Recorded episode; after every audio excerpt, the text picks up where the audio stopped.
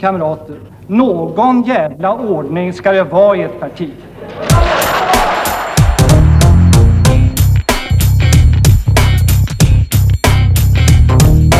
Ja, skiter björnar i skogen? Frågetecken höll jag på att säga. Eh,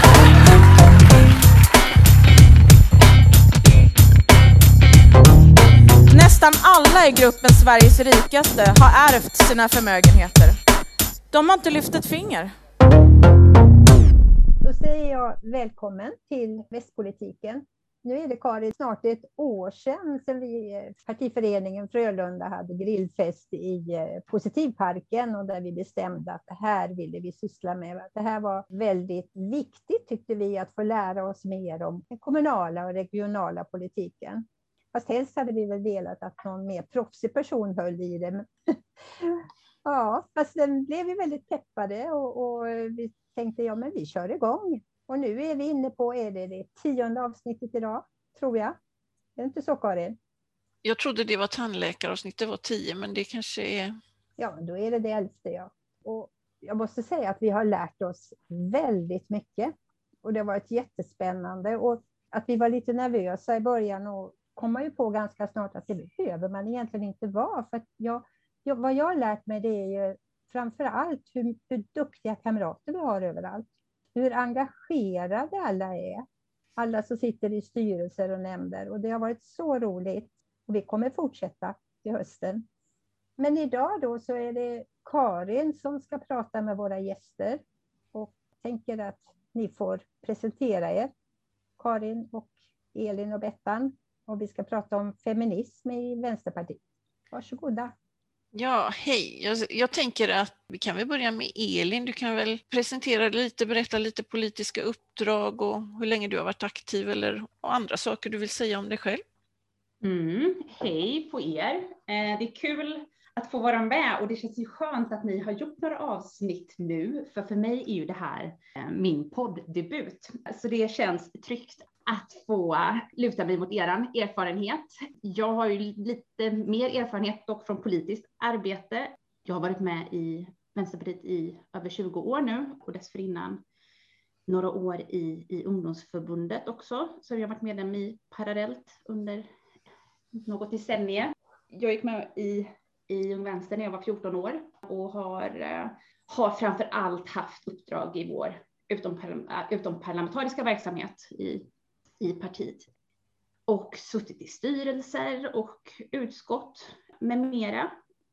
Jobbat aktivt i valrörelser, i kampanjer, men också med att utveckla och jobba med vår organisation, inte minst eh, utifrån ett tydligt internfeministiskt perspektiv. Har jag väl framför allt gjort eh, genom åren. Idag är jag en vanlig eh, medlem, aktivist. Jag har inga uppdrag idag utöver att att göra det jag kan och bidra på de ställen jag kan. Jag arbetar vid universitetet med jämställdhetsfrågor. Eh, jag jobbar på en, på en nationell enhet och leder ett uppdrag vi har från Nordiska ministerrådet. Så jag jobbar med att, att ta fram forskningsbaserade underlag inom olika politikområden på ett politiskt neutralt sätt. Och i övrigt har jag två barn som nu ligger här hemma och sover, så jag hoppas att de sover vidare genom detta samtal så vi kan prata ostört. Men det är väl lite kort om mig. Mm. Spännande. Och Bettan, hur vill du presentera dig? Eh, tack. Eh, ja, jag är eh, medlem i partiet sedan 2013. Eh, jag har alltid röstat vänster, men jag ville inte vara partibunden innan. Eh, jag är med i partiförening Örgryte Härlanda och eh, har eh, ganska mycket parlamentariska uppdrag inom partiet. Dels så sitter jag i kommunfullmäktige och jag är också andre vice ordförande i idrott och föreningsnämnden och i Gotevent, ersättare i egna hemsbolaget och med i Vänsterpartiets representant i stadens hbtq-råd. Sen är jag, sitter jag också i valberedningen för distriktet här i Göteborg. Men jag har jobbat med, med alltså föreningsaktivitet sedan jag var typ 16 år. Eh, mycket inom eh, kvinnorörelsen med feministiska frågor. Eh, under långa perioder med fokus på kvinnor och flickors eh, sexualiserat våld mot kvinnor och flickor eller kvinnor och barn. Jag eh, har också jobbat med mycket feministiska frågor också inom idrotten under en lång period. Och, eh, ja, så jag har egentligen varit liksom aktivist eh, under hela mitt vuxna liv i olika former. Sen så är jag till lönearbete, socialarbete, socialarbetare och jobbar med tonåringar. Det har jag gjort, eh, jobbat på samma arbetsplats i 23 år. Det är ju väldigt unikt eh, i dessa tider när alla byter jobb så, och jobbar i Göteborgs stad. Och det är också bra att jobba liksom, om man säger, långt ner i, i hierarkin i staden när man samtidigt är med i, i den stadens liksom, styrande församling. Det är, en, det är en eh, bra erfarenhet och kunskap att ha med sig. Ja, det är jag. Men ska vi gå till den här rubriken för det här avsnittet av västpolitiken då. Hur märker man att Vänsterpartiet är ett feministiskt parti? Det står ju i partiprogrammet att vi är ett socialistiskt och feministiskt parti på ekologisk grund, men ja, vem vill börja ta sig an denna fråga? Jag tänker att, att, eh, att det märks för att det inte finns ett, ett rakt och enkelt svar på den frågan, för att det är någonting som vi gör på Eh, som vi omsätter på så många olika sätt, alltså både inom så många olika politikområden och på så många liksom, organisatoriska och, och, strukturella plan i, i partiet. Så um, jag tänker att det är en komplex fråga med väldigt många svar på. Jag, jag tänker också att det, det är en grundläggande sak med, med Vänsterpartiet, till skillnad från många andra partier, det är ju att vi ser att det här är strukturellt. Vi ser att det finns en könsmaktsordning i samhället eh, som bygger på att män är överordnade, kvinnor är underordnade. Eh, till skillnad från många andra partier där man gör det till en individuell fråga. Och den tycker jag är så oerhört viktig, den skiljelinjen, att se att det här är, det handlar inte om, om vad en man gör mot en kvinna, utan det handlar om, om strukturer. Och då måste man ju ha en politik som vill ändra i strukturerna och inte göra små så här små insatser här och där som ska se bra ut. Det tycker jag är en sån här skiljelinje mot många andra partier som påstår att de också är feminister. Mm. Jag tänker att eh, om man tar rent organisatoriskt hur vi ha, jobbar i vardagen med politiken så liksom hur, kanske den frågan är mest till Elin, liksom hur gör vi feminism genom ja, hur vi organiserar vårt politiska arbete i ja, hur vi fattar beslut, hur vi eh, representerar och sådana saker. Mm. Möten. Precis. Alltså det är ju lätt att börja i våra stadgar där vi bland annat slår fast att, att vi ska vara, ha en jämn representation av kvinnor och män i alla valda församlingar. Jag tänker att det också är lite ryggraden i hur vi bedriver arbete. Och att vi helt enkelt har, har liksom de här verktygen som genomgriper alla processer liksom, och alla val och alla församlingar. Lite liksom i linje med det som Bettan säger med att vi liksom menar att strukturerna även finns i vårt egna parti och att vi måste liksom jobba med och motverka dem systematiskt. Eh, så jag tänker att just det systematiska är väl någonting som, som, ja, men som, som finns där hela tiden, att det inte är någonting som vi kan göra genom en engångsinsats eller vid ett enskilt tillfälle eller när en konflikt eller liksom en, en situation uppstår, utan det är någonting vi måste jobba med, med hela tiden. Och det gör vi ju på, på flera olika sätt, alltså allting från i partiföreningarnas liksom, vardag eller det återkommande arbetet då vi har könsapparata träffar eller där vi, där vi liksom lyfter feministiska liksom, perspektiv och, och internfeministiska frågor. Men också då vi, då vi liksom utvecklar politiken och vår organisation. Så, så sen hur det liksom tar sig uttryck ser ju, kan ju se lite olika ut och någonting som, som vi kan liksom återkomma med exempel kring. Men jag tror just det här det här systematiska och liksom att också vad man säga, jobba självkritiskt med att se att det här är strukturer som även finns i vår egna organisation mm. som vi måste ha mm. både liksom ett regelverk kring, alltså våra stadgar, men också ha liksom rutiner och liksom en ständig vaksamhet kring. Mm. Vad säger du Bettan? Jo men absolut så håller jag med, med Elin om det. Vi, det är ju inte så att vi, vi inte ska, eh, eller inte har Eh, de här strukturerna i vårt eget parti. Det finns ju också, sen finns det förmodligen mindre av dem av olika anledningar, bland annat för att vi jobbar så mycket med, med, med internfeminist och ändå har bestämt oss för att vi ska vara ett feministiskt parti. Mm. Och då är ju alltid det som är, jag ska säga, vi är ju ett parti som, som jag menar, där, där vi har liksom klasskampen som, som liksom är en av grundfundamenten från början. Där vi har eh, krossa kapitalismen, kapitalisten är våran motståndare, kapitalisten är ju någon annan, kapitalisten är ju inte i partiet. Men så kommer man till de andra frågorna som handlar om feminism och det är ju samma egentligen fenomen lite grann som är inom om man pratar med rasism och sånt. Då finns ju också, man säger krossa patriarkatet, men patriarkatet är ju, är ju strukturellt manligt. Då finns ju de också i, i vårt parti och då mm. blir det ju alltid svårare, för då måste man ju faktiskt vilket ju alla borde göra, precis som jag som vit måste titta på mina privilegier, så måste ju män, även om de är i Vänsterpartiet, titta på sina privilegier och fundera på hur de, kan, hur de gör och hur de är och hur de kan förändra sig. Och där blir det ju ibland diskussioner som inte alltid är enkla. Mm. Verkligen, och där tänker jag att det är jätteviktigt att, att liksom komma ihåg att det här inte är någon, någonting som, eh, alltså det är ingen win-win situation där vi liksom sida vid sida går framåt med, med, med gemensamma intressen. Givetvis finns det mycket som män har att, har att vinna på, på ett liksom, på ett jämställt samhälle där vi, där vi liksom krossar patriarkatet, liksom komma bort från destruktiva maskulinitetsnormer och, och liksom få liksom andra mm, möjligheter i och med det. Men, men jag tänker ändå att det är viktigt att vi, och att jag tycker det är någonting bra att vi också som feministiskt parti ändå ser att, att det här är en fråga om att omfördela makt och resurser och det är det finns ett, en konflikt i det. Och därför är det också viktigt att, att låta kvinnor ta plats i, den här, i, den här, i det här arbetet på samma sätt som i andra, liksom, i andra sammanhang i partiet, men också för att liksom få också driva de här frågorna och, och liksom ta eh, utrymme i någonting som ändå är i mångt och mycket också vår kamp för, för frigörelse. Jag tänker att um Socialdemokraterna har ju ett kvinnoförbund och det har ju mm. inte vi. vi vilk, vilka verktyg har vi valt och varför har vi dem? Liksom? Jag tycker ju att vi eh, ibland har för få forum att diskutera feminism som inte är för Vi har ju lagt alltså mycket, mycket tid på, på internfeministiska nätverk och jobbar med det och det är jätteviktigt. Men jag kan ibland sakna eh, de rent separatistiska diskussionerna som handlar om politikutveckling, politikområden.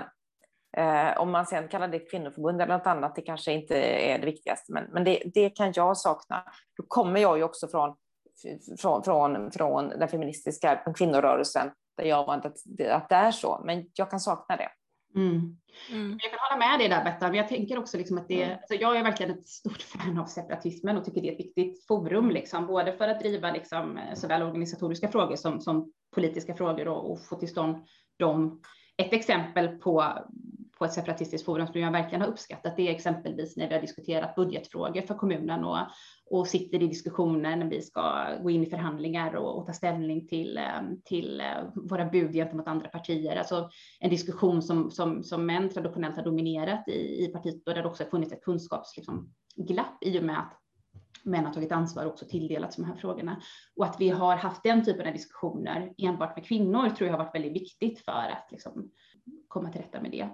Men, men som sagt, jag, jag kan hålla med Bettan om att det, att det är någonting som, som jag också gärna skulle vilja se i fler sammanhang. Men lite för att ändå också svara på frågan så tror jag att det, ehm, att det är balansgången och att, äh, mellan att också visa på att det här är liksom frågor som inte heller kan drivas separat, liksom, utan att det är det är en del i hur vi både organiserar vårt parti, parti i stort liksom, och, och handlar också om att inte kanske hamna i en situation där, eh, där, där, frågor som kanske traditionellt kvinnor har liksom drivit eller som kanske kvinnor, kvinnor har större intresse av som grupp liksom ska sidordnas och drivas i ett kvinnoförbund där vi, liksom, vi kan se att andra partier eh, till viss del gör. Så att vi vill liksom visa att det här är liksom, eh, huvud, alltså det här är frågor som ska drivas i huvudfåran. Eh, men, men för den sakens skull så kan jag hålla med Bettan om att det är viktigt att liksom stärka gruppen kvinnor som kollektiv och också arbeta kompensatoriskt om man säger så separatistiskt med att också liksom stärka gruppen kvinnor i, i exempelvis ja, frågor som, som, som det exemplet. Mm. För att då blir det annars, jag tänka också att som, som du pratar om Elin, att då blir det ju lite grann där nu 8 mars, så nu ska vi prata om de här frågorna. Mm. Sen gör vi inte det de andra dagarna liksom, mm. utan det är ju lite så som, som en del andra Mm. Man kan ju inte säga att, att, eh, att eh, S har så utvecklad feministisk politik. Nej. Vi har ju eh, könsreparata träffar, ja, kanske inte om vi har en liten bokcirkel på fem personer, mm. men så fort vi har möten och sådär. Ja, varför behövs det?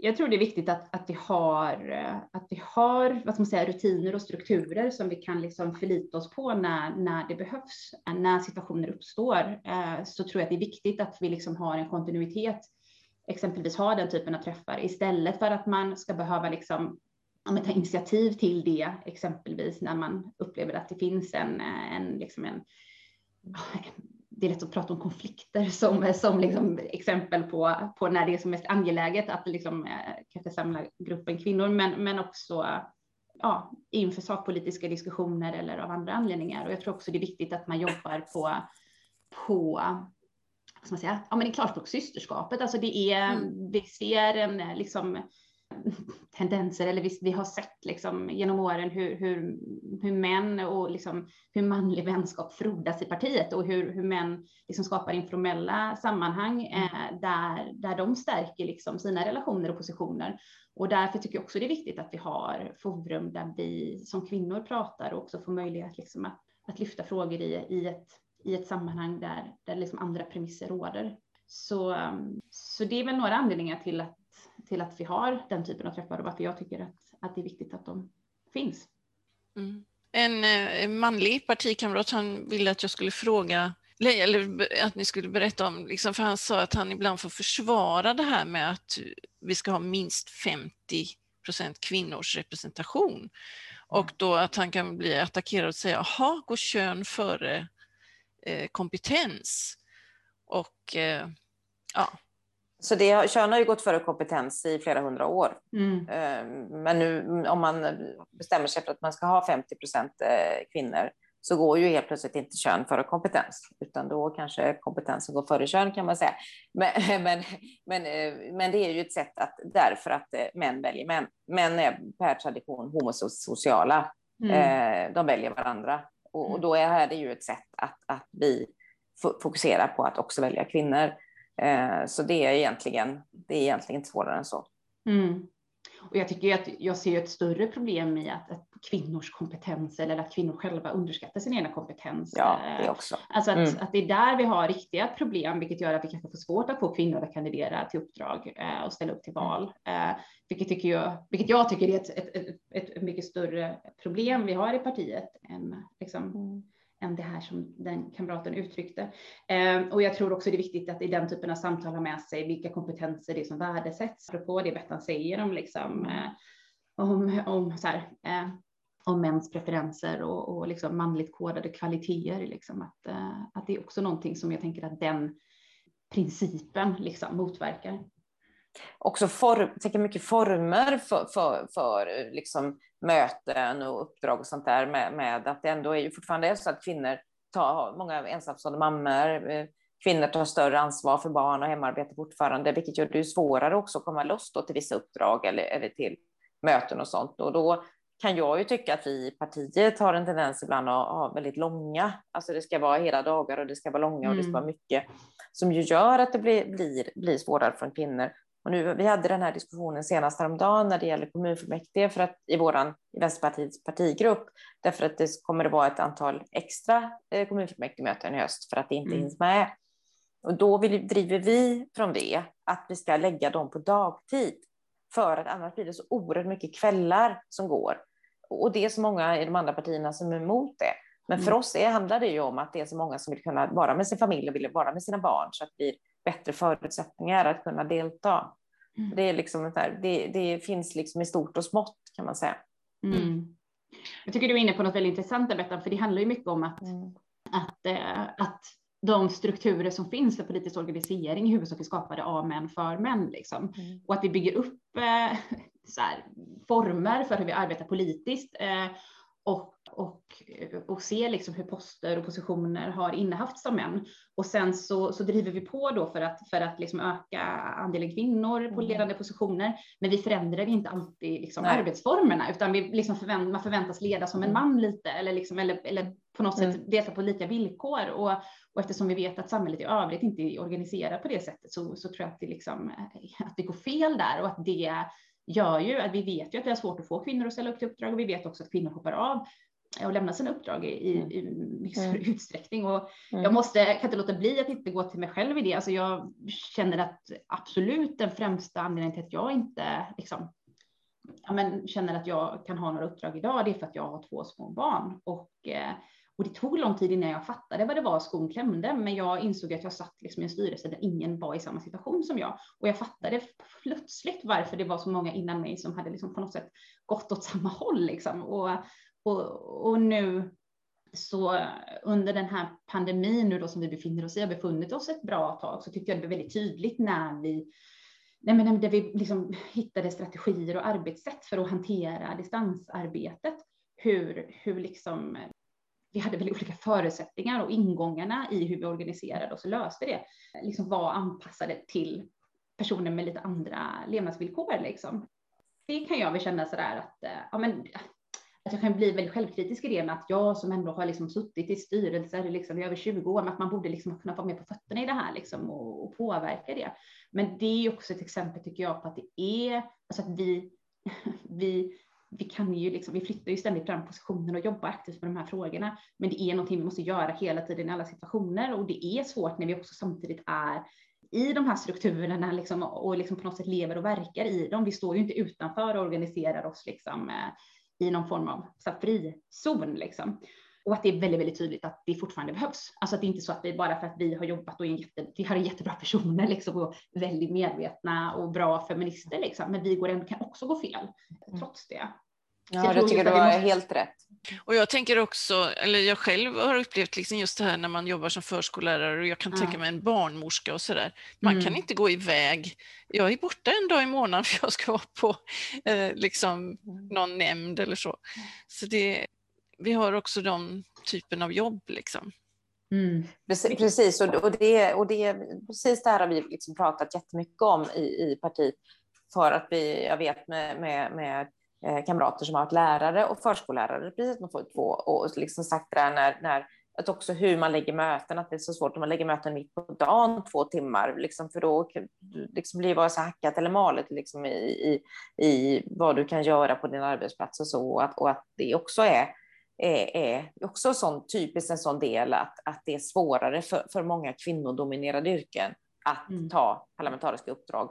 För, och också tror jag ibland för att man är så, alltså så kvinna, man, är ju liksom så, så lojal med sitt jobb och Mm. de man jobbar med när man jobbar med människor. Så, för egentligen så är vi har en laglig rätt att vara lediga för politiskt arbete och det ska vi kunna vara och det ska inte, det ska inte eh, belasta oss sen när vi kommer tillbaka till jobbet. Men så ser ju liksom inte verkligheten ut. Eh, och, det, och det är ju också en del i som försvårar och Mm. gör det krångligt.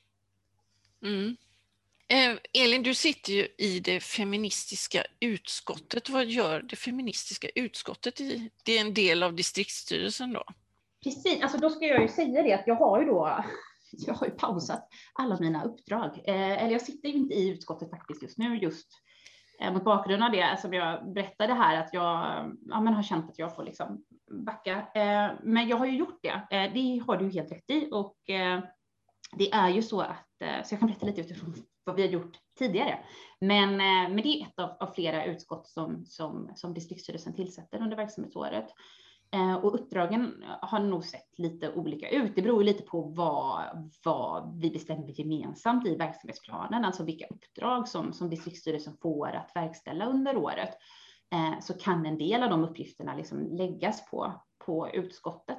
Men, men det kan också skilja sig åt lite beroende på, på liksom läge och behov. Jag tänker inför inför valrörelser exempelvis så har vi ju dels en väldigt stor arbetsbörda och väldigt många som, som ska liksom stå på gator och torg och delta i debatter och, och, och senare välja sig politiska uppdrag och då kanske arbetet fokuserar mycket på det, att skapa liksom förutsättningar för, för att känna att man kan delta i det politiska samtalet också, ja, men hjälpa till att utveckla formerna för att, för att få fler kvinnor att, att känna sig trygga i att ta parlamentariska uppdrag.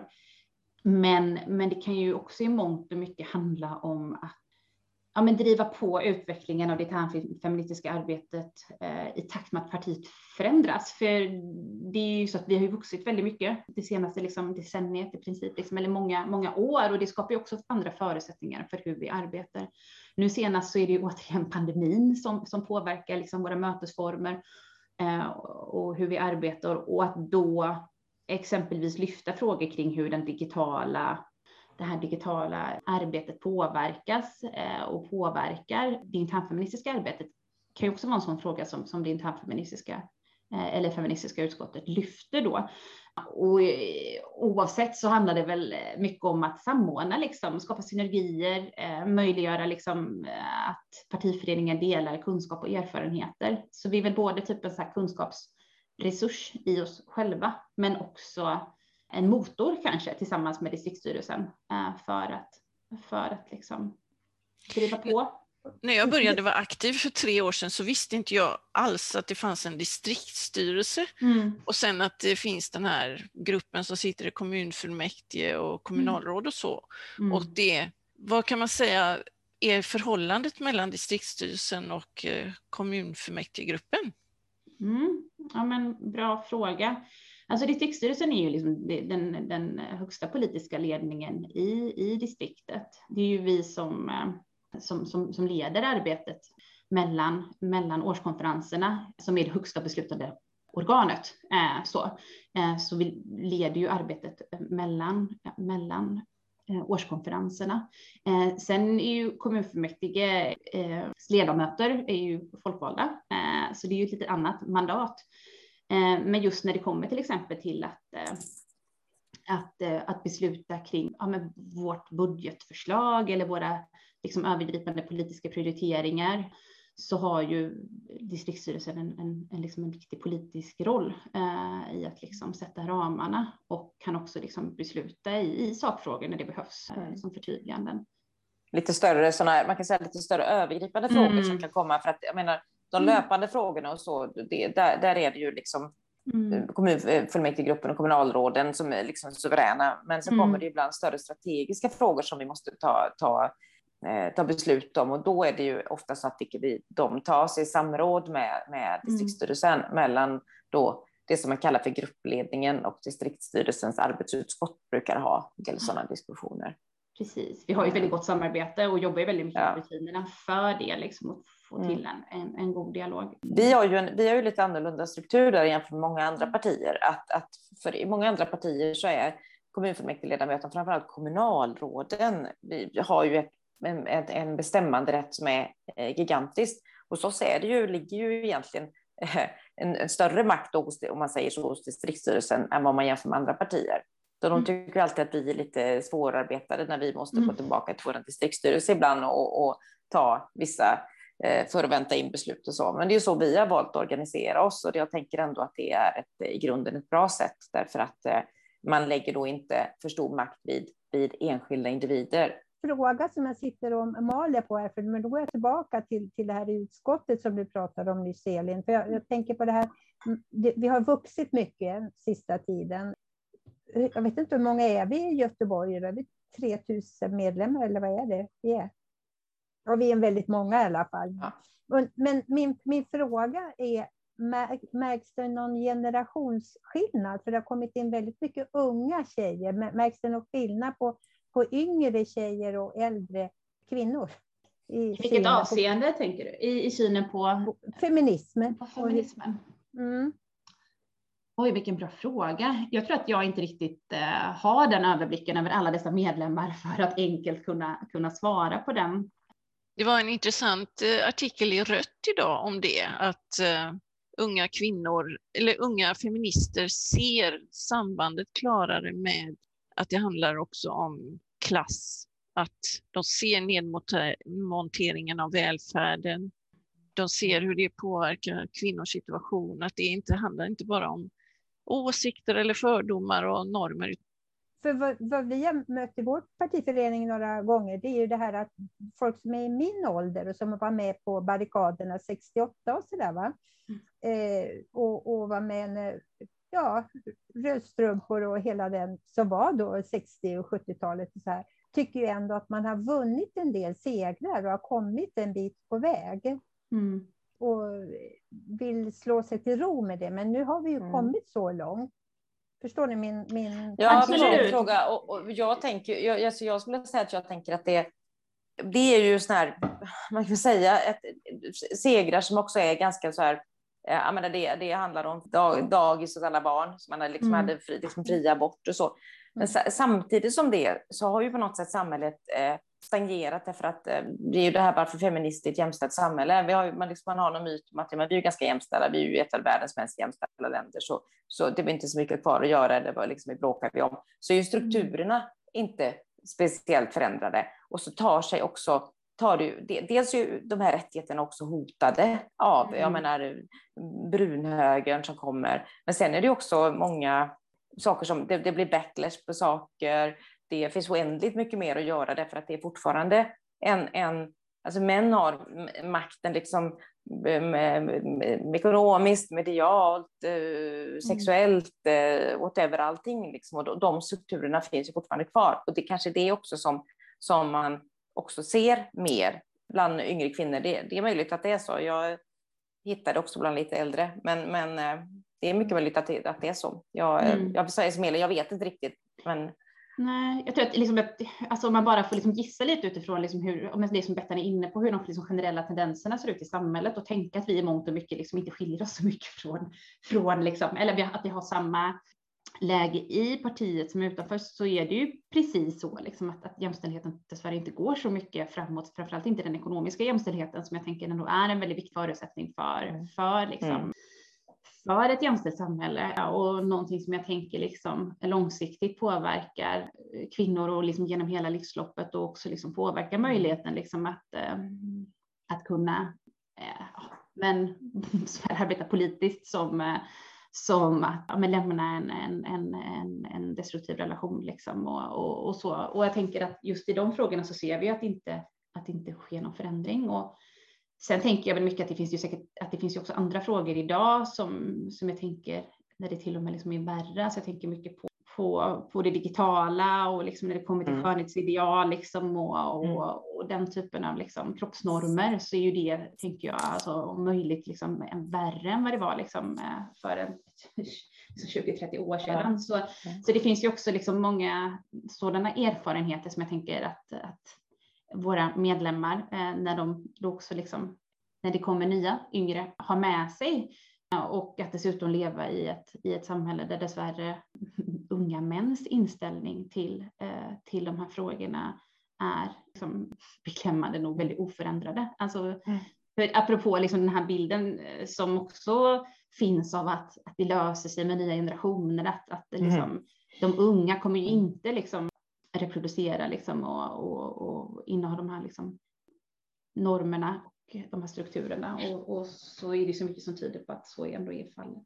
Jag tänker också mycket på när det diskuteras, liksom, att det finns ju en, jag tycker att det är problematiskt att det finns en en, en, liksom en feministisk diskussion i Sverige som är sån här, så här, sociala media-individualister. Mm. Alltså det, det, det, är väldigt mycket när man relaterar till feminister i Sverige idag så är det till, till, till en, alltså enskilda kvinnor som inte finns i några politiska eller systerliga sammanhang utan är väldigt liksom individuellt och gör. Och det, jag ska inte säga att många av dem gör, gör något bra men jag saknar liksom att man inte pratar om den kollektiva kampen och det, och det och den delen av feminismen som finns, utan man vill gärna ha de här som gör grejer på Instagram och så, för att det är liksom eh, så det ska vara. och Det är lite snabba klick och det, man lägger upp någon, eh, alla är emot våld mot kvinnor när en kvinna har dött, men sen gör man ingenting en vecka senare när man, när man ska gå och rösta och, och rösta ändå på ett parti som inte är ett jävla dugg feministiska. Så det tycker jag är en liksom, problem. Och sen är det också en annan del är ju att Eh, men också, det finns ju en del också i diskussionerna som handlar om det här med, med liksom kvinnor in i styrelserummen. Och det är ju mm. naturligtvis bra att kvinnor ska vara i styrelserummen också.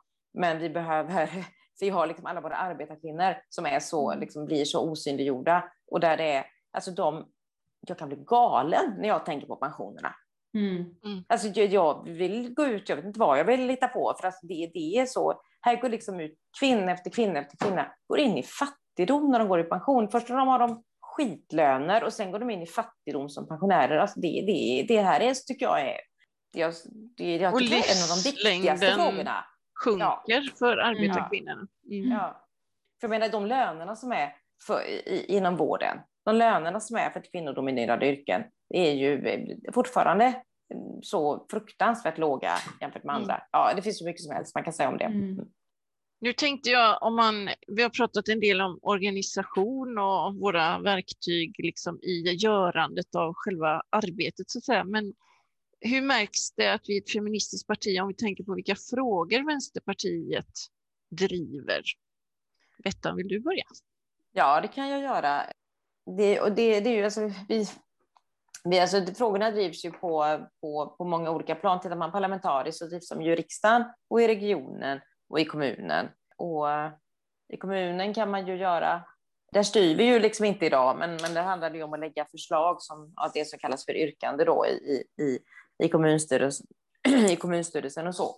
Och, och, man kan ju se det till, till exempel det som har varit väldigt aktuellt nu då den här perioden med, med våld mot kvinnor då, eller mäns våld mot kvinnor, då eh, har det ju varit att vi har lagt, eh, Vänsterpartiet har lagt mycket förslag i kommunstyrelsen om, om, om att göra olika insatser. Jag menar tillsätta mera pengar till de, de nämnder och, som jobb, kan jobba med de här frågorna.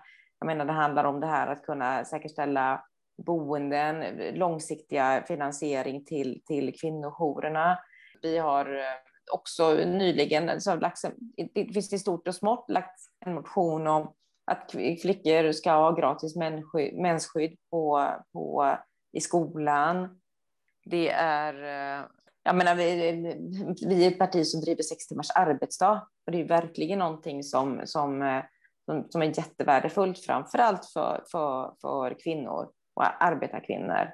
Så att, eh, och, och, vi också har ju synliggjort, eller är ju de som mycket mer synliggör eh, när man pratar om, om eh, mäns våld mot kvinnor, att vi måste jobba med de som jobbar förebyggande, med de som är förövare. Alltså man kan inte bara sitta och prata om vad man ska göra när saker redan har hänt, eller vad man ska göra, för, utan man måste ju se till att, att män slutar slå. Mm.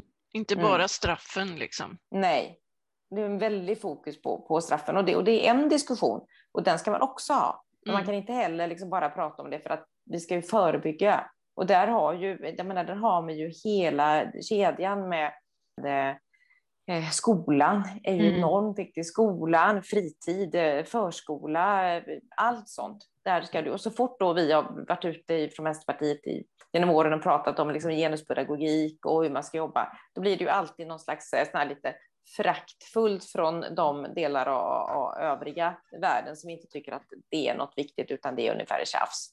Mm. Så, så, att där är ju där är vi lite ensamma i att prata om det förebyggande. Mm.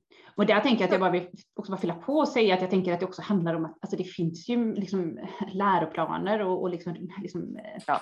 regelverk i skolan som, som ändå på något sätt också slår fast att, att man ska jobba med de här frågorna. Men, men sen tänker jag att, att det också i mångt och mycket handlar om resurser, alltså att huruvida man har personal som, och liksom tid, eh, givet att, att det är sådana nedskärningar liksom generellt sett, att, att jobba med de här frågorna, att, att det liksom inte skapas förutsättningar heller liksom i grunden för att, att jobba på det sättet med exempelvis elever eh, och på fritids, liksom i fritidsverksamhet. Så, så jag tänker mm. att det också alltså att det är viktigt att vi också håller i våra nyckelfrågor liksom, och, och pratar om liksom mer resurser eh, generellt eh, på samma sätt som vi pratar om ja, men, liksom, stora frågor som, som lika lön och rätt till heltid liksom, för att säkerställa mm. att, att, att man som kvinna i en, i en, i en relation där eh, också ska kunna lämna liksom, när, när mannen slår. Liksom. Alltså att också skapa sådana förutsättningar och inte ha ett ekonomiskt beroende är ju liksom jätteviktigt och någonting som jag tycker Vänsterpartiet gör bra. Och då kommer mm. ju det här med marknadshyror in också. Ja, precis. precis. det är en annan sån mm. fråga, absolut. Mm. Ja. Jag skulle vilja göra ett inspel här. Jag, jag, tänker på i regionen så har man ju ett, ett kompetenscentrum, mm. eh, BKV som det mm. kallas för, för kunskapscentrum mot våld. Då. Och de har ju till uppdrag att utbilda all personal i regionen så att de lär sig att bli vakna på och, och se och veta hur de ska bemöta människor som eh, kan ha varit utsatta för våld. Då. Och jag tänker när ni pratar om det här med skolan och, och förskolan och mm. så, eh, hur, hur, ser det ut där? Vilka, vilka, satsar man någonting på att öka kunskaperna bland personalen? Du Karin till exempel som möter barn varje dag, har du fått lära dig någonting om och hur du ska kunna se barn som kanske far illa? Finns det några sådana tankar? Vi har ju Eh. stöd från eh, special, eh, alltså hälsoteamet så om vi har på C och f- för att ta upp sådana här frågor, det har vi ju.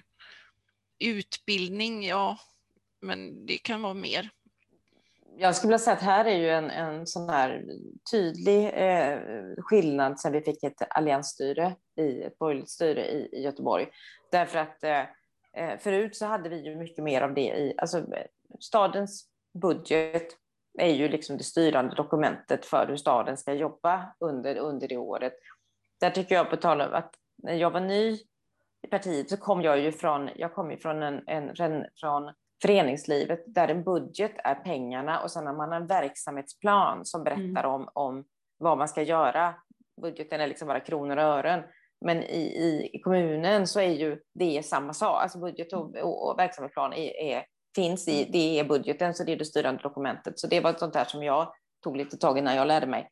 Och, och då är det ju ett, mycket mindre av sånt i den borgerliga budgeten. Och till exempel när man nu gjorde den här organisationsförändringen med att man gick från stadsdelar till, till andra nämnder istället. Alla de frågorna som rör typ de här liksom utbildning, eh, eh, mänskliga rättigheter, jämställdhet, sånt, alla som jobbar med sånt, det blir så fullständigt nedprioriterat. Det var liksom, det är någonting vi får hålla på med sen, för att nu håller vi på med de stora viktiga frågorna. Och det är ju så här att om man inte bestämmer sig eh, från politiskt håll, också ser till att tjänstemännen gör det de, de, de är ålagda att göra, då, då händer det för lite i de här frågorna därför att de är inte statusfyllda, de anses inte speciellt viktiga, utan istället så blir det någon enskild fråga. Och nu har det varit så att man har jobbat så satsat för att man vill jobba med hedersfrågan och den är jätteviktig. Men det innebär ju inte att man inte ska jobba med andra jämställdhetsfrågor. Och där är, kommer vi återigen med, med vem styr och vad satsar man för pengar. Det här med feministiskt självförsvar, så, heter det inte så? Mm. Mm. Eh, det har jag inte hört någonting om på flera år. Är det fortfarande en aktuell fråga? Ja, alltså det borde det ju, alltså det, det är den väl, men, men den dog väl ut, det dog väl ut lite ut ur det här liksom kommunala perspektivet eftersom eh, man inte eh, ville ha det mer känt från de som styrde. Ja, jag, jag tänker ju just att man tänker det här äh, strukturella, så jag, jag, tänker ju alltså lokalt i ja, Göteborg och regionen att det, alltså det är ju hur man tänker, det gäller ju socialtjänst och som du säger förskolenäm, äh, Mm. förskoleförvaltning, förskole och skolförvaltning, äldreomsorgen, Mm. stadsplanering, eh, kollektivtrafik, allting, där går det ju Mm. in liksom. Ja. Ja, precis. Och då tänker jag verkligen på det här nu med, med som jag nu också, vi har drivit så mycket med, med priserna i kollektivtrafiken som Mm. bara höjs och höjs och höjs hela, höj, höjs hela tiden. Och där man vet då att det är kvinnor den stora gruppen som åker kollektivt och vi har då liksom också många kvinnor som är låglöne. Ska du då Mm. betala ett månadskort som kanske kostar, kostar 600-700 kronor, alltså det, det, det är galet. Och det är ju också så då om du bor två i ett hushåll och så, så är det billigare liksom, många gånger att köra bil. Så att det, det är ju, det är ju liksom galet på många olika sätt, både miljömässigt och, och jämställdhetsmässigt. Mm. Alltså det finns ju, det finns liksom, och det är ju det här att man måste liksom se, precis som, precis som ni beskriver, att det finns ju i, det finns inga områden där man, man inte kan vara feminist, liksom, utan det är ju det är ju i allting. Man måste, måste hela tiden liksom ha på sig de glasögonen för att, Mm. eh, för att se det. Och då är ju pengar och resurser är ju en jätteviktig och när vi då, viktig fråga. Och när vi då hela tiden har styren både på, på central nivå, på lokal nivå och på regional nivå som absolut inte vill höja skatten utan man vill sänka skatten, man vill sälja ut saker. Då blir det ju, det blir ju på bekostnad av, av, av kvinnorna. För till exempel då så är det ju så här idag att eh, sen vi har det här förbaskade new public management liksom, som Mm. fortfarande ligger kvar att man ska räkna och mäta. Då är det ju så här i socialtjänsten att du- socialtjänsten ställs ju, ställs ju mot budgeten. Och det är ju så här att du ska, jag tycker att man ska följa socialtjänstlagen. Men, men det blir ju så att, att eh, tjänstemännen följer budgeten. För det är det, det är det man har order att göra. Så man liksom då, vilket innebär att, att många, många människor, kvinnor, det kan vara också kvinnor som, som, som är på flykt eller behöver hjälp eller liksom få, få vara på kvinnojour och sånt, kan bli nekade det därför att då, då man håller inte sin budget. Mm. Det tycker jag är oerhört oroväckande och diskuteras alldeles för lite. För just frågan runt socialtjänsten är så icke-statusfråga. Ja, och äldreomsorgen till exempel, om den säljs ut och Ja. blir sämre så liksom hamnar ju det också på kvinnorna där som ska Ja. oroa sig för sina föräldrar och så. ja, och sen ta hand om sina män. Mm. Mm. Ja, först vårda, vårda sina föräldrar, först vårdar man sina barn och sen vårdar man sina föräldrar och sen om man är hetero så vårdar man sin man. Så är ett, ett vårdande hela livet för att samhället inte eh, gör det samhället ska göra. Du nämnde sex timmars arbetsdag innan. Det var ju, jag bara tänkte, det här, det var ju något sånt försöksprojekt i Mm. Göteborg för några år sedan, Mm. men som fick avbrytas. Det följdes väl inte, fick väl inte bli klart, men vet ni om det blev några slutsatser från det som, eh, ja, Det var ju på ett äldreboende. Det var ju faktiskt på ett äldreboende också. Ja. Eh, av en anledning. Att, och det, det var ju bland annat en forskare vid Göteborgs universitet som, som följde och utvärderade det projektet och det fick ju väldigt positiva, om det beskrevs det som ett väldigt lyckat projekt. Just Mm. för eh, arbetsmiljön och, och arbetsbelastningen för, för de som, som, som arbetade där. Som beskrev allt från att liksom ha bättre fysisk hälsa till att ha, ha liksom en annan relation med sina barn. Alltså det var väl, och också bättre möjlighet att, att, ge, att ge omsorg till de som, som, som var boende där. Man har orken. Men blev det, kunde man se om det blev väldigt mycket dyrare eller? Alltså problemet, problemet med de här är, är ju att, som alltid, att det är pengar som, som kommer Mm. från så att säga, olika ställen. Därför att det, det ena är ju, liksom, kan ju vara Försäkringskassan som, som, som blir, om man säger, vinnarna och, och, och kommunen då som blir förlorarna om man bara skulle se på, på, på kronor och ören. Men samhällsekonomiskt är, är, är det lönsamt om man nu bara ser det krasst ekonomiskt. Men det är klart att om man, om man, om man initialt att det blir, blir dyrare om fler ska anställas. Å andra sidan får man ju också koppla det till då en arbetslöshet så att som, Mm. och, och då är det andra pengar. Så det är, det är ett, liksom ett spel ur olika kassor. Precis, så det är lite Just svårt att se på det så isolerat. Ja. Ja. Men det Och ju... hälsan då, om den blir bättre så spar man ju mycket där också. Ja. Mm. Men det är, ju, det är ju en sån här sak som man också kan bli väldigt frustrerad för. Det är ju det här totala bristen på att vilja jobba förebyggande med frågor. Därför att man, man kan som max tänka fyra år, för det är, en val, det är en mandatperiod, men helst ska man bara tänka ett år. Och, och, och alla som jobbar med, med vad vi än jobbar med, med, med människor, eller alla som liksom forskar eller vad det är, så vet man att förebyggande arbete är så, alltså både, både för den enskilda personen i första hand, men också om man ser det rent ekonomiskt, så Mm. mycket bättre. Men ändå är det omöjligt alltså att, att få igenom det många gånger. Ja, jag tänkte, ja, vi har pratat lite, det- vi kom upp med, med det här våld mot kvinnor i nära relationer. Och, eh, kan ni säga lite mer hur man jobbar med det i lokalpolitiken i Göteborg? Ja, alltså, som man tänker parlamentariskt så är det ju att eh, det som jag sa, det här att försöka säkerställa att jourerna ska få eh, mera pengar och få, få liksom långsiktiga, eh, inte få liksom ett år i taget.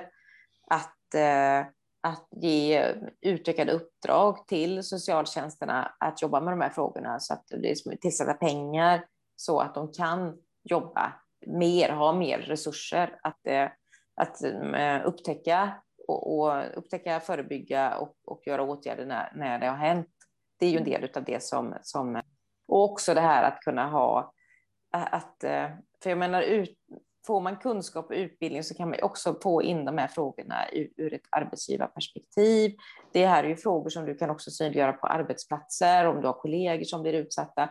Men då ska du också ha den tiden. Och det är ju hela Mm. tiden den här bristen på, på, på pengar som gör att det inte finns utrymme. Därför att hela tiden, man kan inte göra det för då har vi ingen personal, vi får inte några vikarier. Så blir det liksom som, ett, eh, som en liksom nedåtgående spiral. Mm. Jag vet inte alls, eh, finns det många kvinnojourer i Göteborg? Eh, ja, hur många vet jag inte, men det finns ett antal. Det Mm. finns ju dels finns ju ett kommunalt skyddat boende som ju heter någonting som jag inte kommer ihåg nu. Eh, Och det och sen har vi ju... finansierat eh, kommunalt då? Ja, precis. Sen har vi ju kvinnojouren ADA till exempel, som, som är en, de tillhör de ideella kvinnojourerna som då oftast, eller de i alla fall, är tillhör ROKS, Riksorganisationen för kvinnojourerna. Eh, och där har vi också ett jätteproblem som, som man får brottas med. Det är ju det här att kommuner vill börja sälja ut, alltså ha, mm. Ha köp och sälj med skyddat boende, vilket ju är alldeles fullständigt åt skogen. För att eh, det är ju, eh, våra ideella kvinnojourer är ju suveräna på det sättet att det är ju, det är ju, det bygger ju på systerskapet, det bygger ju på, på liksom, om man säger hjälp till självhjälp, det bygger ju på det stödet från kvinnor som verkligen vet vad det handlar om och som kan ge både skydd och stöd. Och där, stö, och där också väldigt mycket handlar om att inte bara resa sig ur förtrycket, utan hela jourrörelsen handlar ju också om att resa sig mot förtrycket. Så, så det finns flera ideella jourer och det finns också, ja, så jag kan inte riktigt alla. Men, nej. Men, eh, mm.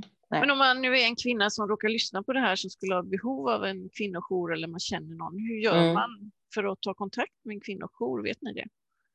Det finns ju bland annat något som heter, ja, precis. Ja. Det finns ju något som heter Kvinnofridslinjen som man kan, som finns både liksom på nätet och en, en telefon kontakt så för att också slussas vidare.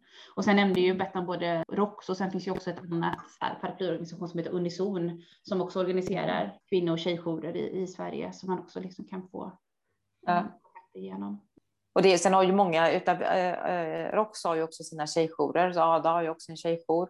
Mm. Och de har ju, jobbar ju mycket mer med, med, med digitala, med mm. chattforum och, och mycket. Och det tror jag, det är säkert en del jourer börjat med nu under, om inte annat under pandemin.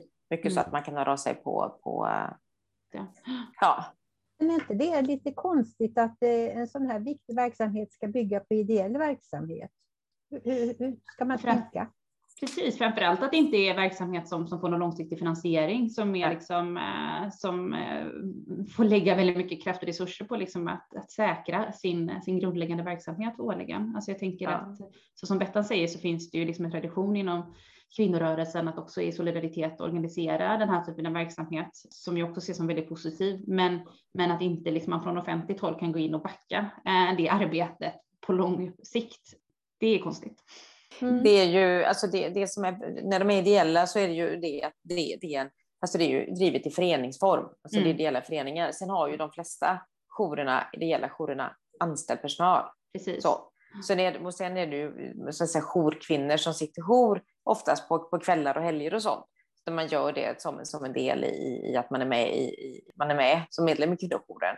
Mm. Och det tror jag är jätteviktigt, för dels får du många som kan vara med och, och det blir också ett eh, Alltså det blir också en, ett systerskap och det blir också en, en väldig spridning på erfarenhet och kunskap. Jag hade bara en liten ante rolig anteckning här, helt annat, eh, om att eh, om klimat, att eh, kvinnor åker ju mer kommunalt och kanske äter mer vegetariskt och sådär. Och jag har läst någonstans om kvinnor, om männen också skulle göra som kvinnorna gör så skulle vi lätt fixa Parisavtalet. Det stämmer ju bra. Det är ju, jag menar, det, och det handlar ju om jag menar, det handlar ju om, om makt och resurser. Och mm. Ju rikare du är, ju mer resurser du har, ju mer större miljöbov är det ju. Och män är ju generellt mycket rikare än kvinnor. Också har ju med sig hela sin, alltså sin maskulinitet, att man liksom ska äta kött, nötkött helst, jämt. Och, och åka bil och gärna stora bilar och, och hålla på med saker som, som, som är mer miljöförstörande. Och ägandet är väl till stora delar manligt? Alltså... Mm.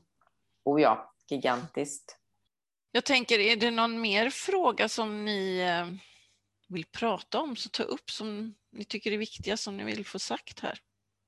Alltså jag tänker ändå på, på, på när, man, när man pratar om de feministiska frågorna och liksom feministisk politik så handlar det ju också om att, eh, att eh, lika väl som, som män måste jobba med sin med sin maskulinitet så handlar det ju också om att, alltså, att, att eh, förhålla sig till en underordning. Och det är ju någonting som inte alltid är så, är så lätt. För vem vill, vem vill, eh, vem vill känna att men, jag lever i en relation där jag, där jag liksom faktiskt inte, vi lever inte i en jämlik, jämlik relation fast jag har trott att vi gör det. Och det är ju många gånger en, en, en resa man har att göra som feminist, liksom, att inse mm. det här och, och, och, inte heller då skuldbelägga sig själv utan se att det här handlar om strukturerna. Och då brukar jag säga så här, jag kan tycka att vi pratar lite för lite om, om, om kritiken av kärnfamiljen i, i partiet. Eftersom kärnfamiljen faktiskt, det, den norska feministen och socialisten Kersti Eriksson eh, skrev vid något tillfälle att eh, eh, när det gäller de patriarkala strukturerna att kärnfamiljen är knuten där trådarna löper samman. Eh, och att det, det, det finns ju väldigt mycket med kärnfamiljen som är bevarande av strukturer och makt och där det också finns en tradition av att man ska inte liksom lägga sig i. Och, eh, och det finns ju också väldigt intressant forskning, nu är den ju inte helt eh, ny den forskningen, men den är nog lika aktuell som jag vet när Karin Holmberg eh, gjorde sin doktorsavhandling, då gjorde hon ju eh, eh den på, på intervjuer med unga par som ansåg sig leva jämställt. Och, och, den är väldigt intressant att läsa, för den var inte speciellt jämställda. Liksom så så att den, den, den bilden av eh, att man tror att man är jämställd eller har det jämställt, och så är det inte så. Och det, det kan jag tycka är sådana frågor som jag skulle önska att vi kunde diskutera mer, men jag vet mm. också att de är ju lite, lite känsligare. Mm. Det är så lätt gjort att man hamnar på individdiskussion då, då, då kan det lätt mm. gå snett också. Mm. Precis. Och också att det kan bli liksom någon form av, alltså, ja, men så lite dubbel bestraffning i det, liksom. att, att man förväntas både liksom, eh, på något sätt ta ansvar utifrån de ansvar som man tilldelas som kvinna, men också förväntas liksom, att bryta och på något sätt stå upp för att eh, ja, men för en annan eh, liksom, än den traditionella kvinnorollen. Så, så det, det är verkligen, ja, men, jag håller med, en väldigt, väldigt viktig fråga, mm. men också något som, mm. som är svårt att, att få till på, på ibland på en på en bra nivå. Men jag tänker att det också är någonting som går in i alla de här politiska frågorna som vi har som vi har berört här, liksom, och, och såväl i mycket i det som våra förutsättningar för att verka politiskt, alltså hur vi organiserar oss, så, så absolut. Mm. mm. Men det är alltså att det privata är politiskt, alltså det är ju verkligen man måste komma ja. ut till det, liksom, att det är inte för inte som, som det liksom är en, ja, en paroll. Men jag tänker också på det här om man tänker på, på, på på liksom det här med att vi, vi, som vi började med att prata om i början, att vi är ett feministiskt parti och så. Jag tror att det, det jag tänker på den här eh, diskussionen som också har varit nu, nu när det har varit så mycket fokus på frågan om mäns våld mot kvinnor och så, och, och att det ändå har varit så mycket kvinnor som har varit aktiva i den debatten i partiet, men inte så många män som det borde, borde varit.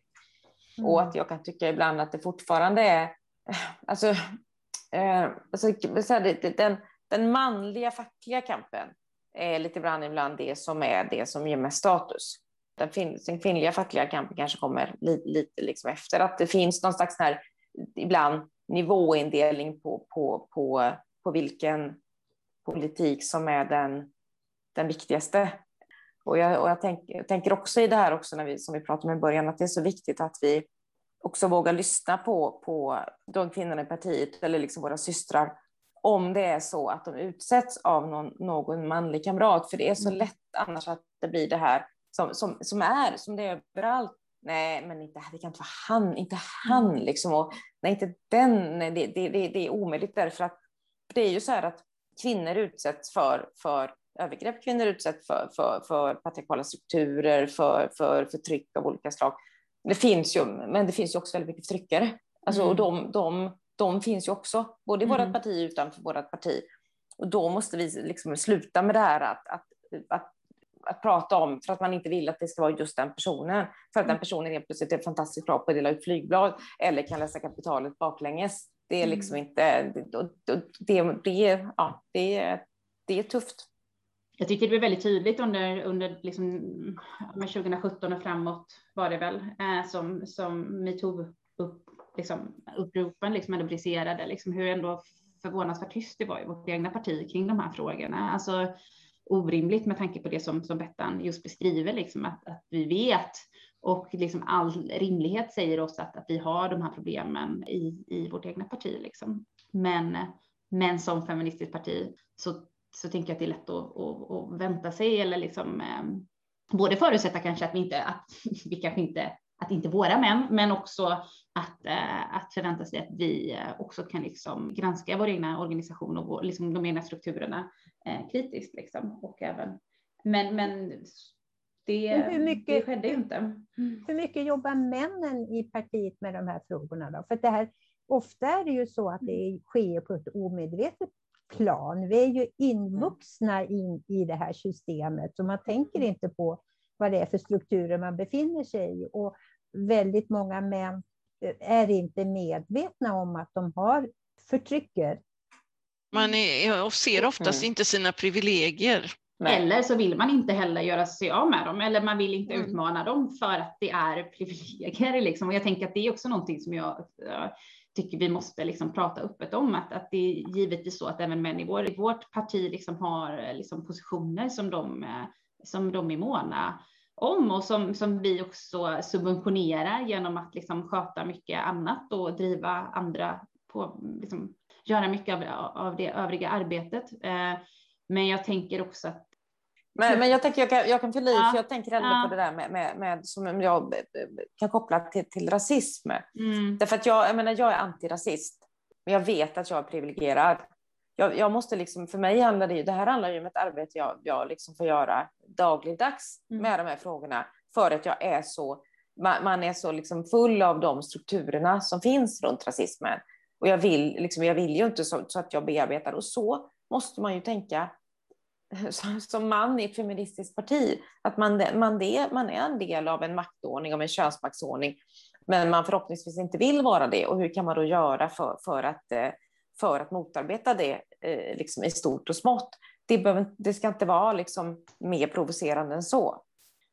när jag var eh, aktiv i Ung Vänster så, så hade vi eh, ja, men ett, ett systematiskt arbete med någonting vi kallade killar och feminism. Alltså ett, eh, liksom ett, ett, ett, vi hade forum för liksom, unga män samtidigt som, som vi hade då separatistiska forum för, för, för unga kvinnor som bland annat då inkluderade feministiskt självförsvar och liksom andra samtal där, där vi liksom aktivt arbetade med att prata om, om de här frågorna i, eh, med killar och unga män. Och, och det tänker jag att någonting som vi skulle kunna jobba med mer i partiet. Alltså det, det känns ju som att visst, vi har, vi har könsseparata träffar och, och, och då har även männen liksom möjlighet och ges möjlighet att, att prata om sådana här frågor. Men jag tror att man skulle kunna liksom göra det mer adresserat. Liksom. Mm. Att lyfta just mäns ansvar och mäns privilegier och hur man agerar utifrån det.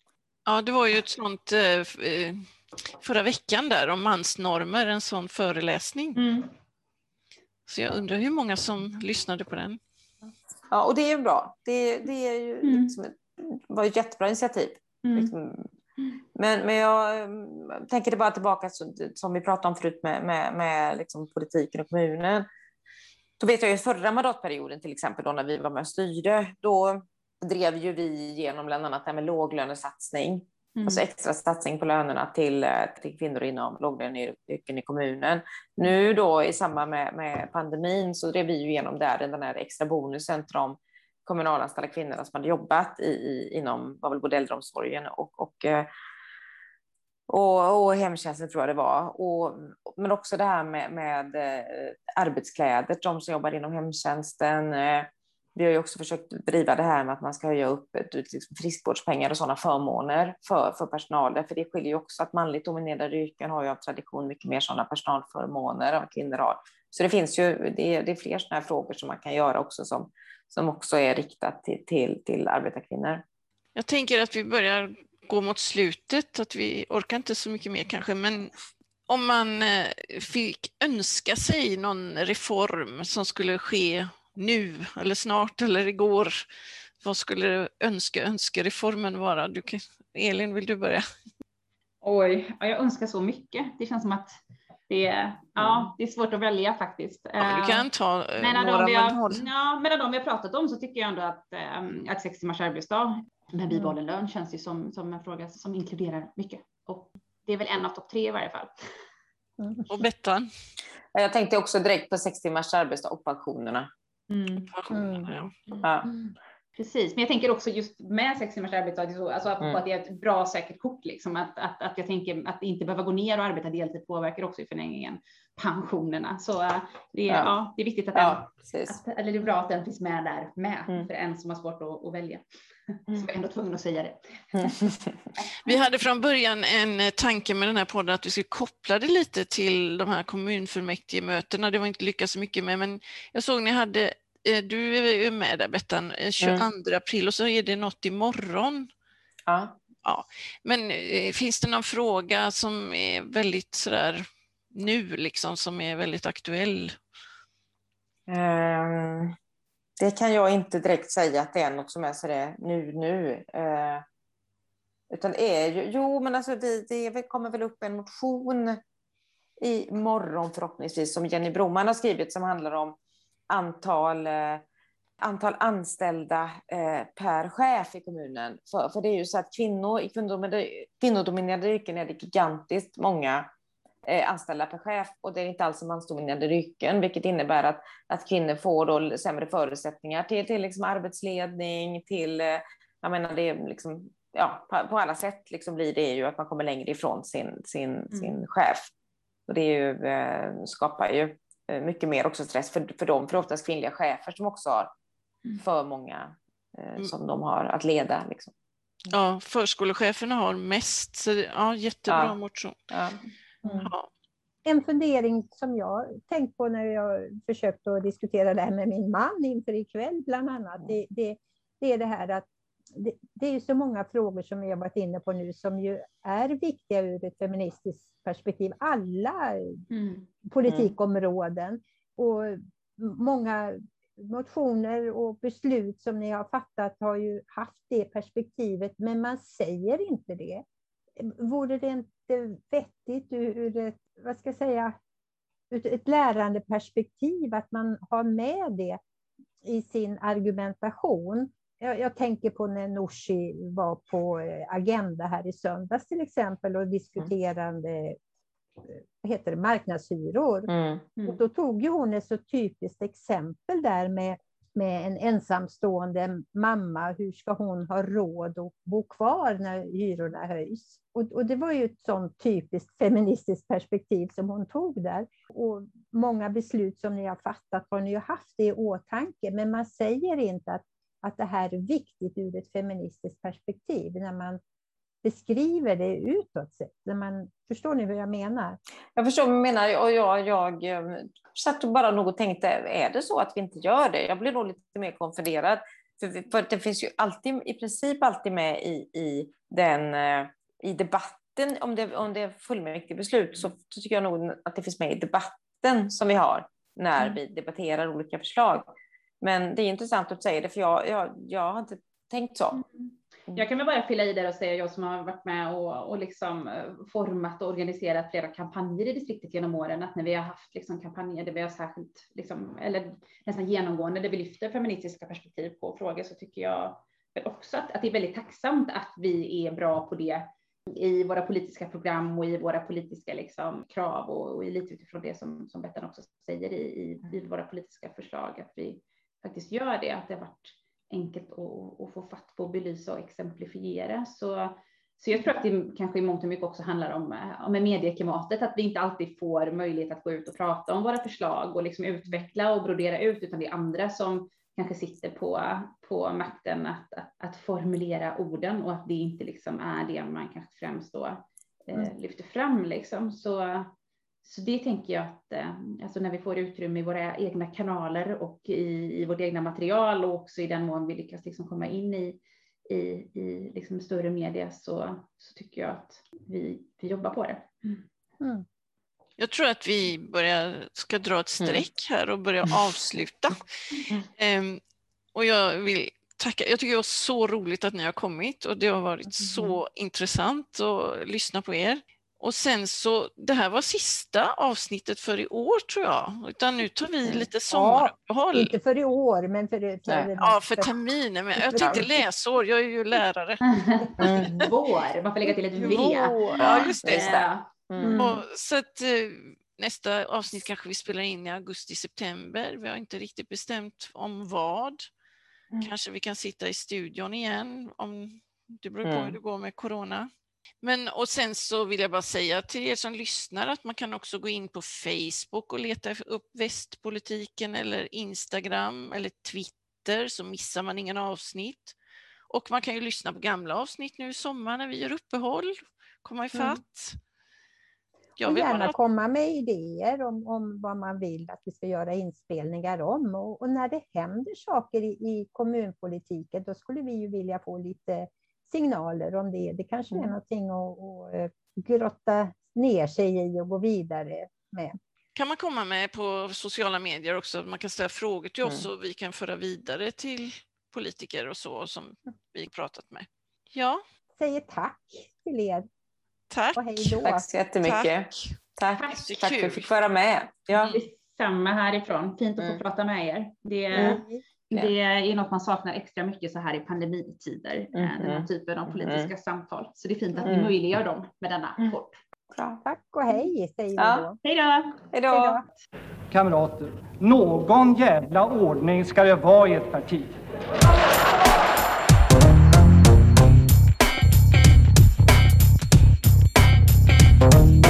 Ja, skiter björnar i skogen? Frågetecken höll jag på att säga.